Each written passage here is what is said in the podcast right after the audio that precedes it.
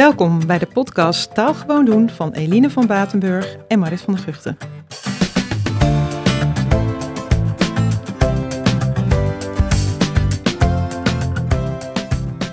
In deze podcast gaan we voor jullie op zoek naar frisse en wetenschappelijk onderbouwde lesideeën voor moderne vreemde talen in het voortgezet onderwijs.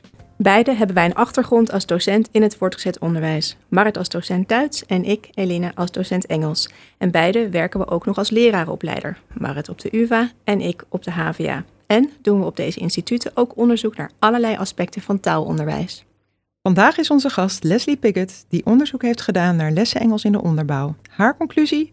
Scheur die grammatica maar uit je boek en doe met de bijna 40% van de lestijd die vrijkomt gerust iets anders. Als je leerlingen aan het eind van de onderbouw even een korte grammar booster geeft, zijn ze zelfs een jaar daarna nog net zo kundig als leerlingen die wel hebben lopen zweten op al die grammatica. In aflevering 2 bespraken we al eens dat leerlingen ook best grammatica konden leren door ze lekker te laten communiceren, in plaats van deze expliciet te bestuderen en te oefenen in lesjes. Leslie gaat nog een stap verder. Hoe dat precies zit, bespreken we in deze aflevering. De gast is dus Leslie Piggott, docent Engels en nu ook lerarenopleider en onderzoeker aan de NHL-stende. En Manon Appelmelk, ervaren docent Engels in de onderbouw, inmiddels ook in de bovenbouw en ook studieleider in de bovenbouw van het HAVO-VWO. En natuurlijk spreken we ook nog met een leerling aan de telefoon en dat is Jurre en die deed mee in de lessen van Leslie. De aanleiding van het onderzoek. Leslie, jij werkte toen als docent Engels op een middelbare school. En kennelijk zag jij om je heen allerlei dingen gebeuren, waardoor jij dacht, nou, misschien moet er eens onderzoek gedaan worden naar de manier waarop we in de klas omgaan met grammatica.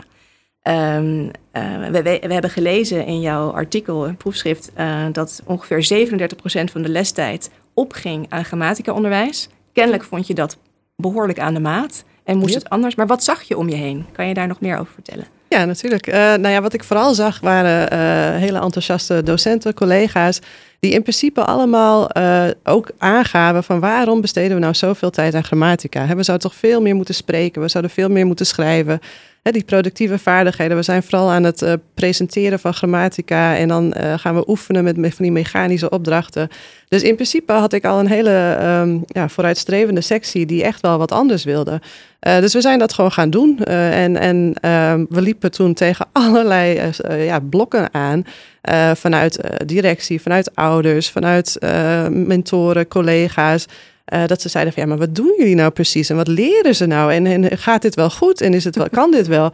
En uiteindelijk kwam eigenlijk uh, de rector toen de tijd, die kwam naar mij toe en die zei van ja, ja weet je Leslie, als jullie dit als sectie hebben besloten, als sectie Engels, uh, jullie willen dit doen, ik vind het prima, maar geef mij alsjeblieft iets om, om, hè, om, die, om iets te zeggen tegen bijvoorbeeld ouders die bellen of, of collega's die, die zeggen van ja, maar wat is de leerlijn en wat, hè, waarom leren ze geen grammatica?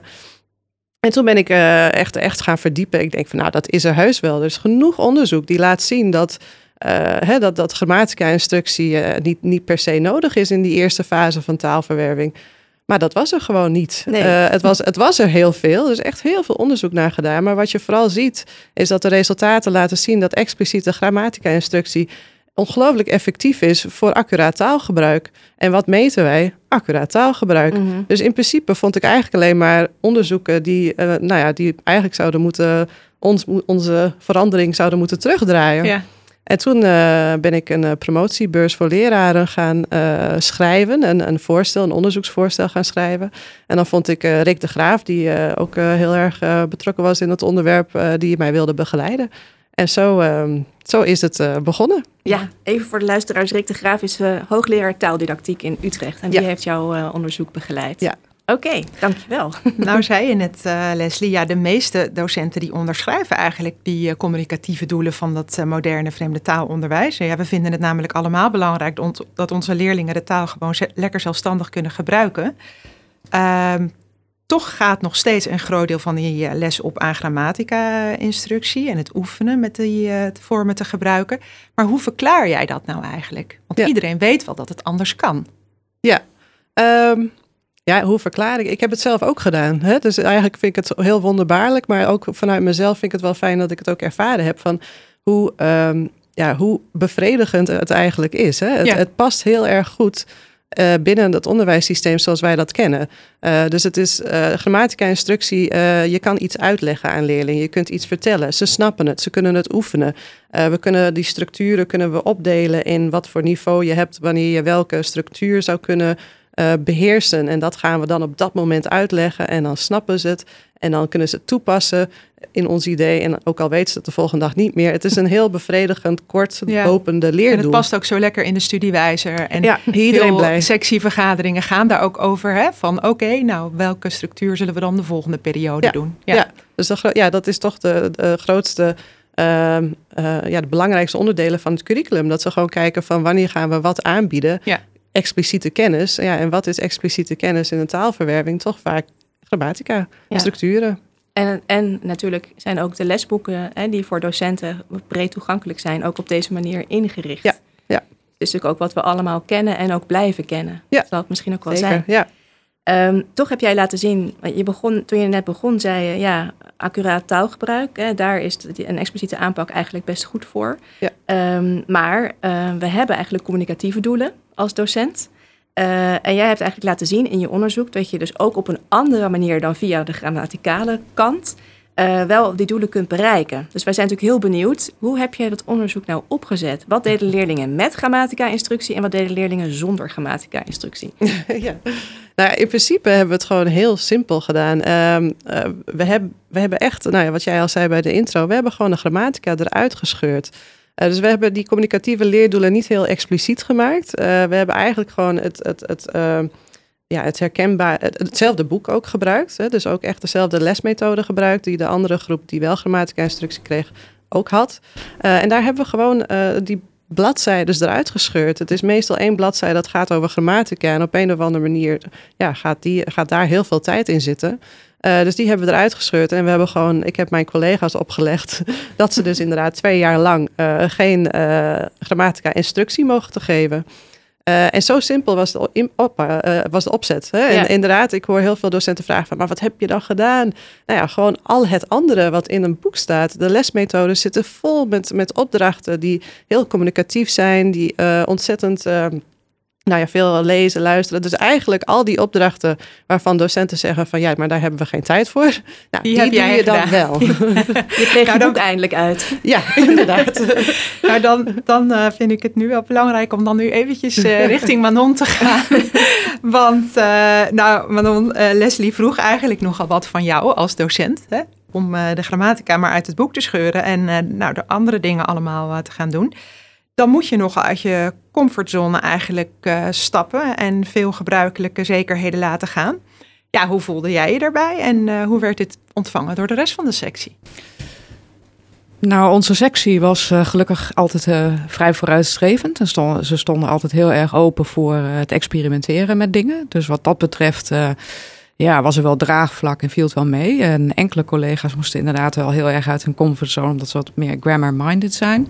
En heerlijk vinden om uh, een half uur daar uh, uitleg over te geven, te drillen en het vervolgens te checken.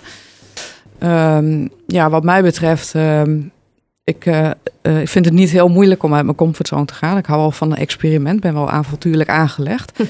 dus ik was denk ik niet de moeilijkste om te, mee te krijgen in dit, dit idee. Maar natuurlijk ga je uit je gebruikelijke structuur.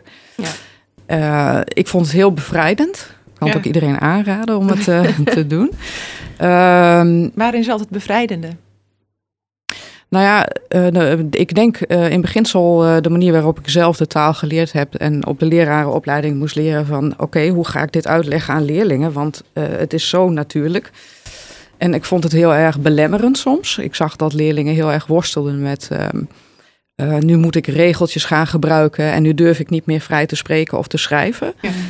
Ehm, dus ja, dat maakt dat je hier heel graag mee aan de slag wilt gaan. En dat je ziet uh, uiteindelijk ook van, hé, uh, hey, ik bied het niet aan. We doen het allemaal op een speelse manier. We zijn alleen maar met vaardigheden bezig. En kijk eens wat de kinderen doen. Mm -hmm. En wat ze durven.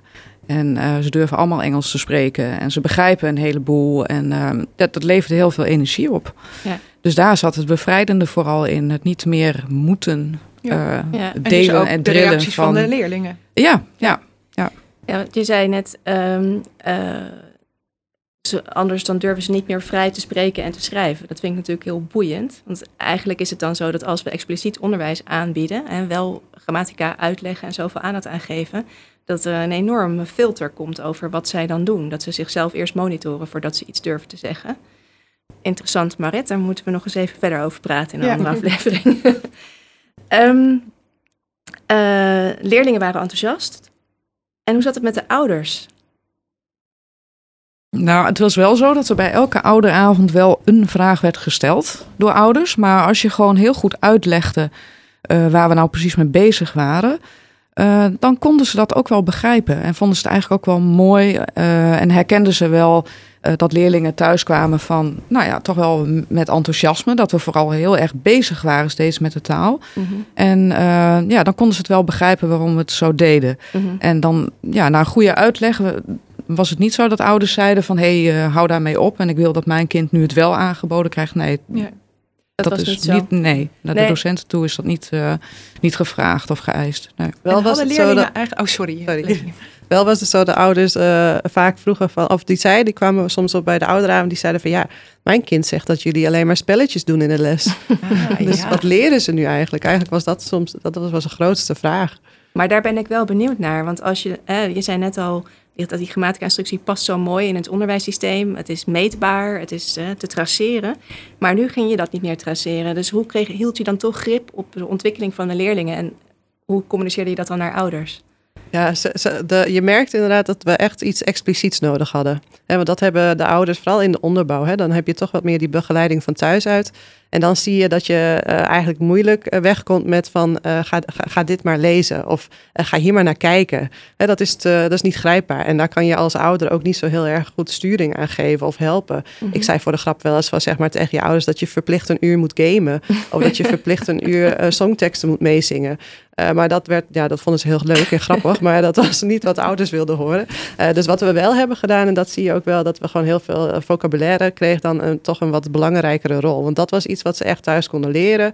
En dat konden ouders dan overhoren. Iedereen blij en toch iets grijpbaars, tastbaars wat ze, wat ze konden doen thuis. Ja, ja, en dus je hebt eigenlijk van, ja, van grammatica ben je dus ook meer naar het lexicale gegaan. Dus je hebt echt meer de, na, de nadruk op chunks gelegd. Niet bewust, maar dat, dat uh, ging wel gaandeweg. Uh, was dat wel iets waar, waar ouders dus zich wel mee gingen bemoeien. Hè? Dus ja, dat, en was dat gewoon wat aanwezig was in ja. het boek? Of ging je extra vocabulaire aanreiken? Uh, nee, we, in principe hebben we het. we hadden een, een, het boek, daar gingen we vanuit. Uh, en dat breiden we uit met nog een, een, een, ja, een boekje met opdrachtjes. Uh, maar dat deden we ook bij de expliciete groep. Dus we hadden wel extra, maar dat week qua vocabulaire niet van elkaar af. Die manier, ja. Nou zitten we eigenlijk al heel erg in uh, hoe het ontvangen werd en uh, hoe alle spelers zich daarbij voelden. maar we moeten natuurlijk niet vergeten om even goed uit te leggen waarom dit nou misschien een goed idee zou zijn voor scholen. Dus wat waren nou eigenlijk de belangrijkste resultaten uit het onderzoek? Ja, nou ja, eigenlijk wat, wat het belangrijkste resultaat, wat ik eigenlijk wil zeggen, is dat het geen resultaat had. uh, de verschillen, ik heb 36 maten in totaal uh, gebruikt om te kijken naar uh, taalvaardigheid. Dus van zowel de receptieve als de productieve vaardigheden. Dus schrijven, spreken, lezen, luisteren, heel veel maten gebruikt. En uiteindelijk zijn er maar een paar die na twee jaar echt significante verschillen lieten zien. Dus eigenlijk is, zijn die twee groepen op heel veel vlakken nou, enigszins uh, vergelijkbaar nog met elkaar. Mm -hmm. uh, maar wat je dus wel ziet, is inderdaad zoals we verwacht hadden, dat de expliciete groep, dus een groep die wel grammatica-instructie kreeg, uh, die had bij schrijven, maakte die minder foutjes. Dus ze waren inderdaad accurater in hun taalgebruik. Um, bij spreken, grappig genoeg, was dat niet zo. Dus daar zaten aan, na twee jaar geen verschillen in accurate taalgebruik. Uh, en als je kijkt naar de, de groep zonder grammatica, daar was het significante verschil dat ze uh, vloeiendheid, dus meer, ze spraken uh, en schreven meer na twee jaar en vooral bij het spreken. dus ze hadden minder stiltes ook in hun spreken en ze spraken gewoon meer. Um, en leesvaardigheid, dat was ook echt een significant verschil. Dus de groep zonder grammatica-instructie, die ging ook uh, ja, significant vooruit uh, in, in, vergelijking met die groep zonder grammatica. En hoe zou je dat verklaren? Ja, ik, verklaar, ik, ik, zelf denk dat dat inderdaad ook echt te maken heeft met het feit dat je heel veel meer bezig bent met, uh, met het lexicale, hè, met woorden. Dat natuurlijk wel heel erg samenhangt met leesvaardigheid. Ja. Dus dat zou het voor mij verklaren. Ehm, en, ja, en, die, en die spreekbereidheid, nou ja, wat je net ook uh, zei, hè, dat die filter. Hè, dat, en, uh, want ja, je kunt het nog helemaal verder uitdiepen, maar je merkte dus ook dat zij toch ook vaker van Nederlandse woordjes gebruikt in het begin. Mm -hmm. Maar daardoor hielden ze de communicatie. Het was eigenlijk een soort van communicatieve strategie, strategie. want ze hielden het wel op gang. dus ze waren helemaal niet zo heel erg belemmerd met, met ze dachten niet na. Ze waren gewoon aan het praten. Te, dat, die indruk heb ik. Ja. Um, en he, wat ook, um, je ziet dat de, de groep die wel grammatica-instructie had, dat die veel, veel verschillende werkwoordsvormen gebruikt. Volledig fout, uh, maar ze gebruiken ze wel. Ja. Dus dat, ja, ik denk dat zij misschien ook meer aan het nadenken zijn van, oh ja, wat hebben we ook weer geleerd? En wat moet ik nu zeggen? En wat moet ik nu gebruiken? En wat ja. moet ik nu schrijven? Uh, en bij schrijven hebben ze tijd om na te denken. Ja, dus daar ja. zag je dat het wat dat, accurater werd. Ja, maar bij spreken, bij spreken dus heb je dat niet. Nee. En uh, ja, in de groep uh, zonder grammatica, ja, die bla bla bla. Ja, en want dat, dat sluit precies aan bij wat jij net zei, Manon. Dat, ze, anders gaat het belemmeren en dan zijn ze niet meer vrij. Klopt. En wat wij wel ons afvroegen toen we er samen over na zaten te denken is... Ja, kwamen er dan niet toch af en toe in die impliciete groep vragen over grammatica? Ja. En mocht je die dan van Leslie beantwoorden? Nee. nee, wat nee, zei je daar dan mee om? Nou, je kon heel eigenlijk, um, ja, spelende wijs moet je een beetje kijken hoe je daarmee omgaat. Maar als een leerling daar iets over vroeg, dan probeerde ik het gewoon aan te bieden in de zin van, no, in, in English we say this, or we say that, or... Ja, maar Meer niet hoe het gezegd ja, wordt. Ja, dit is ja. hoe het gaat. Ja. Uh, ook met het, nou, als een leerling iets, iets, uh, iets zei, uh, dan verbeterde ik het soort van, maar ik gaf een antwoord. En ja. daarin deed ik het correct. Dus de recast ja. eigenlijk. Ja. ja. en dat doe je als je heel veel tijd daarvoor hebt. En die heb je dus als je niet steeds grammatica aan het uitleggen bent. Dus kun je heel erg lekker op die vaardigheden gaan zitten. En dan merk je dat ze dat ook heel erg oppikken. Mm -hmm. Wat jij terugzegt. Mm -hmm. En daar ook iets mee doen. Ja, dus er wordt wel, dat is misschien wel goed om even expliciet te maken. Er is wel een vorm van feedback op wat zij doen. Ja, absoluut. Uh, maar doordat jij het dan de juiste vorm terugspiegelt. Zeg ja, maar. en je geeft nog een aantal voorbeelden, maar je gaat niet een grammatica-regel nee, uitleggen. Dus het is ook niet als ze het naar vragen. Ja. ja. ja.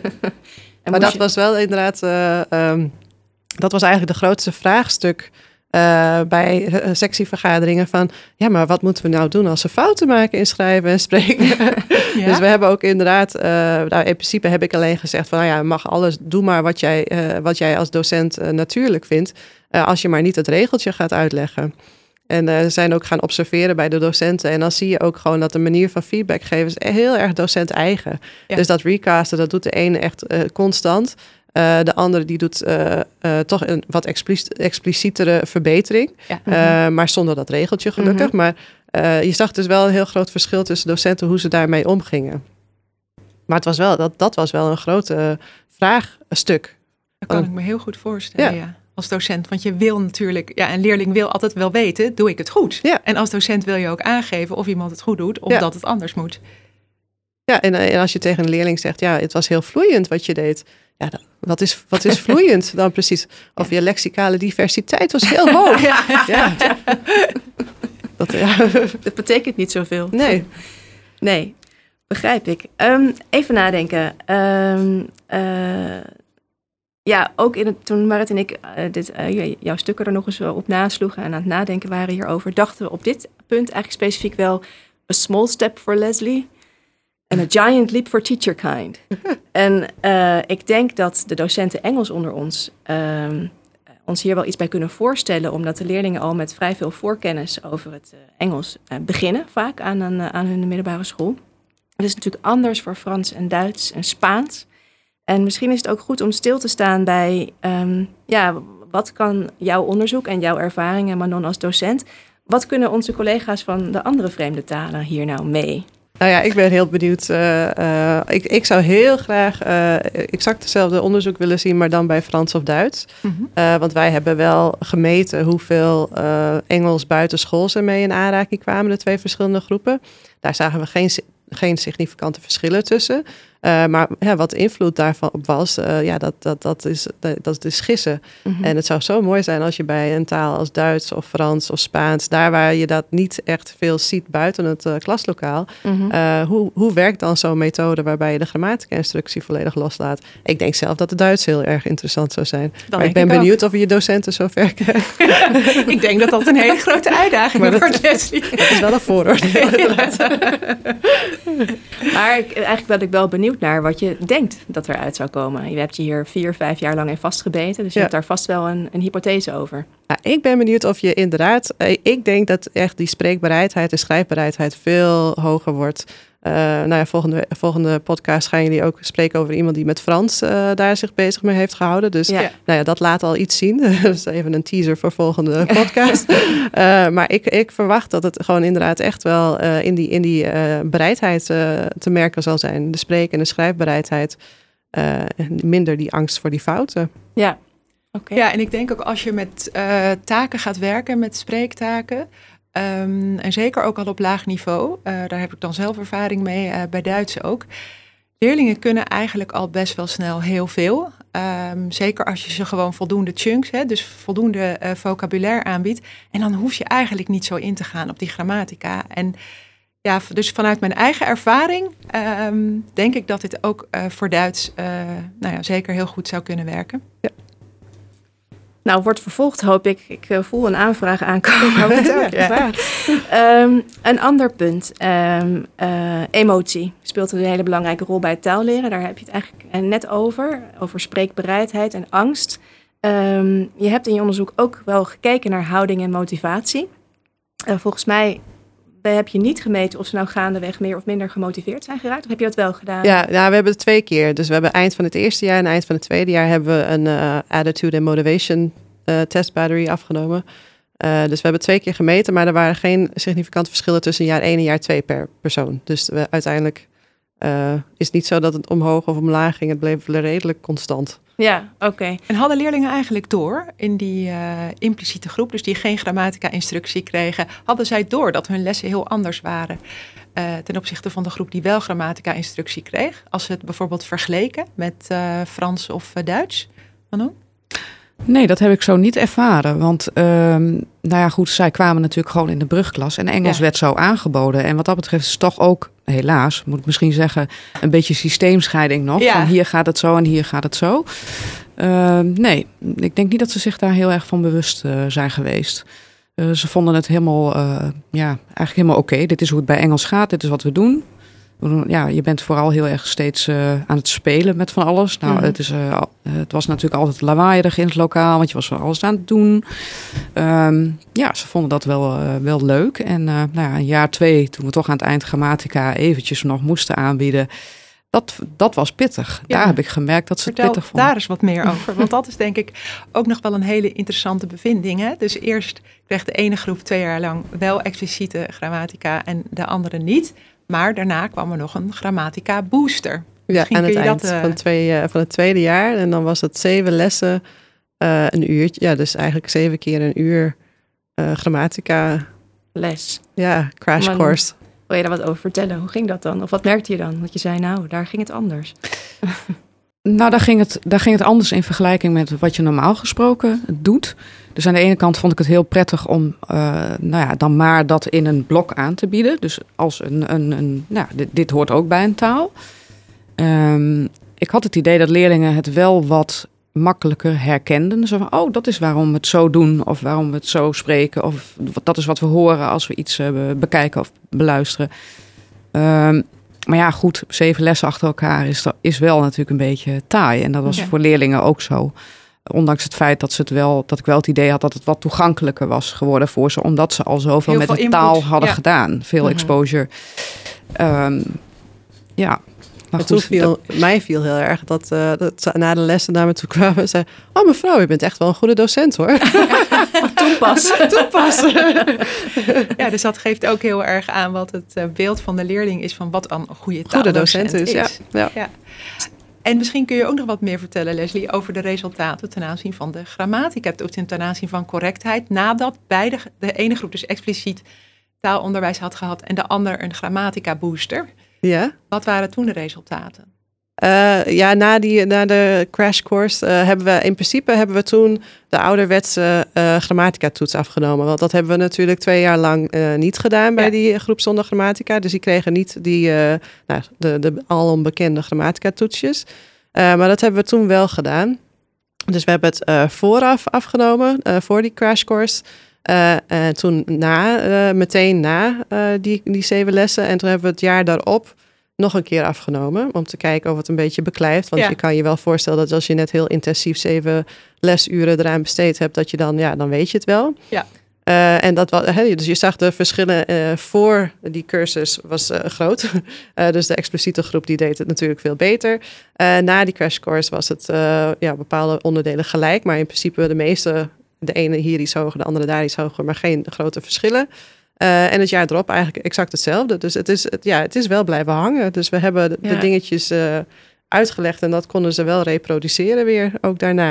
Maar we hebben het niet in vrije productie nog getoetst daarna. Nee. Dus daar, daar zou ik dan nog wel geïnteresseerd naar zijn geweest. Want zou het dan ook inderdaad in schrijven uh, accurater zijn geweest bij de groep zonder grammatica instructie? Ja. Ja, wat ik zo grappig vind aan jouw onderzoek is, als onderzoekers zijn we vaak heel erg gefocust op resultaat vinden. Hè? Of, maar eigenlijk is het goede nieuws dus dat er geen verschillen waren. En dat zegt zo verschrikkelijk veel. Je kunt dus, om het maar even nog een keer samen te vatten, eigenlijk heel prima die 37% van de lestijd besteden aan hele andere dingen die het onderwijs mogelijk leuker maken, speelser maken, meer popliedjes meezingen, noem het maar op. En dan komt het toch nog goed. Dat is eigenlijk de boodschap, ja. toch? Ja. Um, ben ik ook nog wel benieuwd, Eline, naar geldt dit nou ook voor alle leerlingen? Want ik kan me zo voorstellen, er zijn natuurlijk ook faalangstige leerlingen die uh, nogal behoefte hebben aan houvast. En uh, grammatica-regels bieden die houvast natuurlijk. Ja. Um, kun je daar iets over vertellen? Ja, ik heb, ik heb geprobeerd om inderdaad van uh, uh, bepaalde andere factoren die van invloed kunnen zijn op uh, taalleren te kijken of die bij de ene groep met of zonder grammatica meer effect had uh, dan bij de andere groep. Dus Ja. we hebben alleen gekeken naar of er echt een verschil zat in de effect die het erop had. Want we weten natuurlijk dat er heel veel andere factoren zijn die invloed hebben op taalverwerving, zoals de, hè, de eh, kennis van een moedertaal, de aanmoediging van de ouders, de motivatie, de attitude. Dus al zulke factoren heb ik eh, proberen te meten en te kijken van zijn er significante verschillen in de mate waarin ze overeenkomen met de taalvaardigheidsresultaten. Ja. En dan zag je uh, dat vooral bij motivatie en attitude, dat bepaalde uh, hoe goed ze waren in, uh, nou, bij de groep met grammatica in bijvoorbeeld het accuraat schrijven. Dus hoe meer ze gemotiveerd waren, hoe accurater ze schreven. Ja.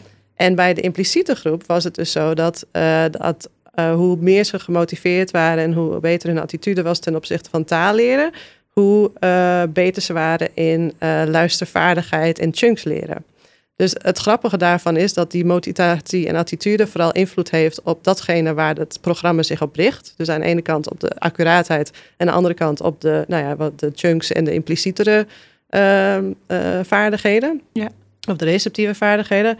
En als je kijkt naar angst, dan zag je dat, uh, dat het alleen bij de groep zonder grammatica had het invloed op de hoeveelheid fouten. Uh, dus als ze angstiger waren, dan maakten ze inderdaad meer fouten. Mm. Ja. Maar wat voor conclusies daar ja. uit trekken? nou, dat vond ik dus heel erg moeilijk met, met, uh, met, met die uh, ja, individual differences noemen we dat, het hoofdstuk. Ja. Maar dat was eigenlijk best wel moeilijk om daar heel erg uh, om duidelijke conclusies aan te trekken. Het, ja, het belangrijkste wat ik daaruit haalde is dat motivatie en attitude inderdaad gewoon heel belangrijk is. Überhaupt hoe je een lesprogramma aanbiedt. Uh, datgene wat je beoogt te leren, dat leer je het beste als je gemotiveerd hebt en een goede attitude hebt tegenover het uh, leren van talen. Uh, en het angstige, ik denk dat dat toch inderdaad dan die houvast was, wat die expliciete groep had. Dat, he, daar zaten vast ook angstige studenten Ja. in. Uh, maar die zullen dan minder fouten hebben gemaakt omdat ze die houvast wat meer hebben Mhm. misschien. Dus dat, dat zou een verklaring kunnen zijn vanuit, uh, vanuit dat vlak. Oké, okay. ik heb nog een laatste vraag eigenlijk aan Manon. Um, je hebt meegedaan uh, in deze twee jaar. Um, misschien zijn er wel mensen die luisteren die denken, nou, fijn, dit spreekt me wel aan. Ik wil het ook wel proberen. Wat zou je adviseren? Hoe zou zo iemand aan de slag kunnen gaan om dan de vakgroep mee te krijgen en dit programma te gaan draaien? Nou, natuurlijk eerst het boek van Leslie lezen. Maar Die zetten we op de website. Ja. um, ja, wel eerst heel goed onderzoek doen naar wat je precies wilt. Uh, want om draagvlak te creëren bij, bij de collega's moet er wel iets liggen, moet er wel iets staan. En, en moet je ook het enthousiasme kunnen opbrengen, misschien ook deels vanuit theorie, om te zeggen, hé, hey, dit gaan we met elkaar doen. Mhm.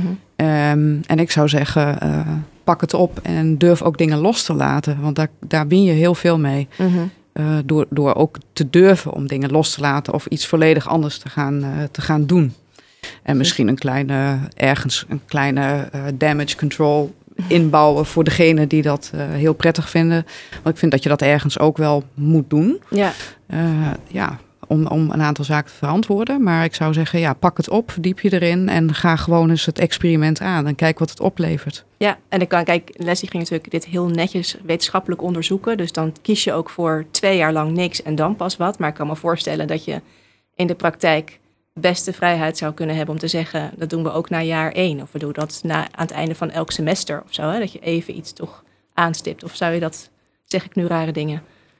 Nee, helemaal niet. Nee, ik, ik, zou, ik zou daar heel erg voorstander van zijn om, in, om uh, misschien in elk jaar dat op die manier te doen. Om mhm. gewoon een module aan te bieden met uh, grammatica. Ja, en dan de rest van de tijd echte dingen doen. Ja. Leslie wil heel graag nog wat zeggen. Ja, sorry, maar toch, ja, nou, ik zit toch weer te denken van tegelijkertijd, als je gewoon puur zou kijken naar van het eindexamen, wat wij uiteindelijk toetsen, ja, dan zie je toch echt wel dat uh, een groep zonder grammatica veel beter deed op leesvaardigheid. Ja, dat is waar. Dus waar, waar, waarom? Precies, ja, ik vind het accuraat. Ik, ik, het is natuurlijk, het is belangrijk en, en je, je wil ook uh, voor het vervolgonderwijs wil je wel dat, uh, dat je iets aflevert wat niet chockvol fouten zit maar volgens mij is dat meer een persoonlijk iets. Mhm. Als je gewoon puur kijkt naar de eindtermen, naar de ERK-niveaus en wat je daar aan grammaticale eigenlijk tolerantie zou moeten hebben, hè, foutentolerantie. Mm uh, dan is dat, ja, wij, wij ze eindigen hooguit op B2-niveau, B1-niveau. Daar mag je echt wel wat fouten verwachten. Dus mhm. waarom, waarom zoveel tijd aan accuraat taalgebruik? Als leesvaardigheid het belangrijkste is, die receptieve vaardigheden, dan, mhm. ja, dat blijkbaar is dat vanuit hè, het toetsing het belangrijkst. Ja, vanuit toetsing het belangrijkste. Ja, als je vanuit. Uh, is, is dat ook vanuit jouzelf? Denk je ook van receptieve vaardigheden zijn het belangrijkste? Nou, in principe wel, want ik vind, ik vind eigenlijk pas bij B2, C1 niveau, dus de studenten die ik nu op de opleiding heb, uh, die krijgen grammatica-instructie. En omdat die altijd goed waren in Engels hebben, snappen ze er helemaal niks van. Ze zijn volledig nieuw. Uh, maar dat is, dat is volgens mij het niveau waarbij het echt uh, effect heeft en ook zinvol is. Ja. Um, ja, ik pleit ook nog steeds wel voor misschien een aparte eh, vak taalkunde voor de mensen die al in het voortgezet onderwijs daar geïnteresseerd naar zijn. Ja. want het is eigenlijk een vak apart. Um, dus ja, maar in principe als je, hebben wij het over taalvaardigheid. Ja. Uh, maar daar horen natuurlijk de productieve vaardigheden ook heel sterk bij. Ja, zeker. Ja. Uh, maar heb je daarvoor die, uh, die taalkundige kennis echt nodig? Mm -hmm. nee. nee. nee. in ieder geval heel lang niet. Nee. um, hartelijk dank voor jullie verhaal. Uh, het was heel interessant om, uh, om uh, te horen hoe dat allemaal gegaan is. En ja, wij gaan natuurlijk nog wel even een leerling van jullie bellen. Dat begrijp je. dat doen we nadat jullie ons verlaten hebben. Dus hartstikke bedankt voor jullie aanwezigheid hier vandaag en jullie verhaal. Het was heel mooi om naar te luisteren. Heel erg bedankt. Leuk. En, Graag gedaan. Nou, ik verheug me erop om dit onderzoek voor te kunnen zetten voor de andere talen. Ja, ik ook. Bedankt. Bedankt. Uh, ja, dan gaan we nu praten met uh, een leerling die uh, op deze manier van Leslie les heeft gehad, namelijk zonder grammatica-onderwijs in de onderbouw. En dat is Jurre. Welkom Jurre in onze ja, podcast. Goedemiddag. Leuk dat je er bent. ja, onze eerste vraag is, Jurre, hoe vond jij het om op deze manier les te krijgen? Nou, ik vond het hartstikke leuk in de onderbouw bij Engels om zo les te krijgen waar de focus vooral ligt op skills.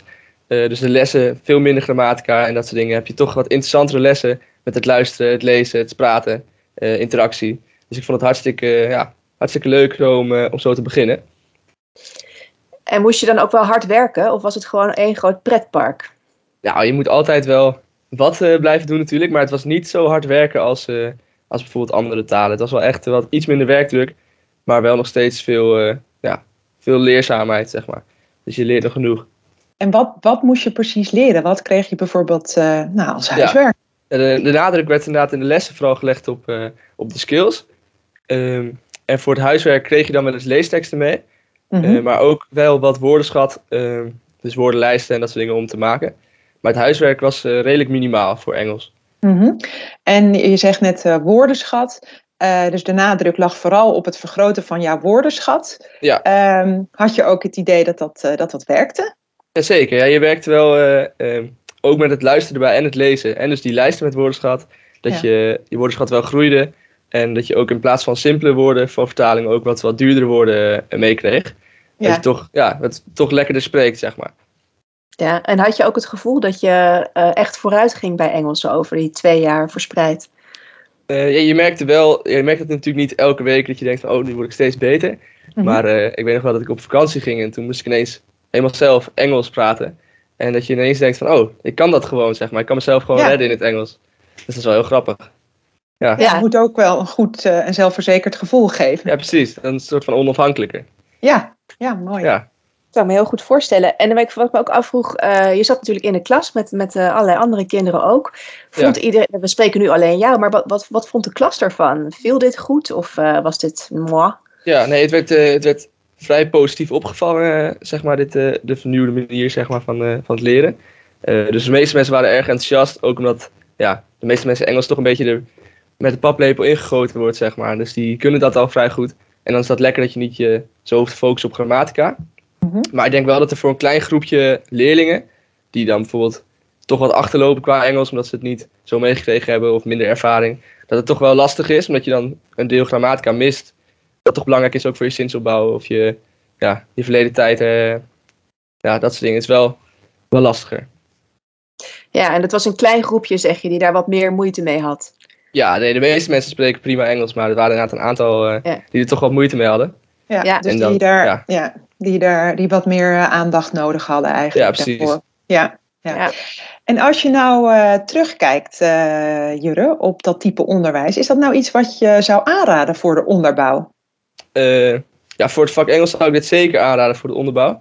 maar dan wel met als kritische side note, zeg maar, dat er wel ja, gekeken wordt naar hoe dan om te gaan met dat kleine groepje. Mhm. Maar voor het gros van de, van de leerlingen is het denk ik een hele mooie manier om Engels te geven. Nou, ik vind het super. We hebben echt alweer veel geleerd vandaag. Uh, Jure, hartstikke bedankt dat jij ook ja, uh, jou, even jouw ervaring wilde delen met deze manier van les krijgen. Um, hartstikke bedankt. Dank je. Nee, ja, dank jullie dat ik hier mocht zijn uh, ja, graag gedaan. Heel leuk. Dag.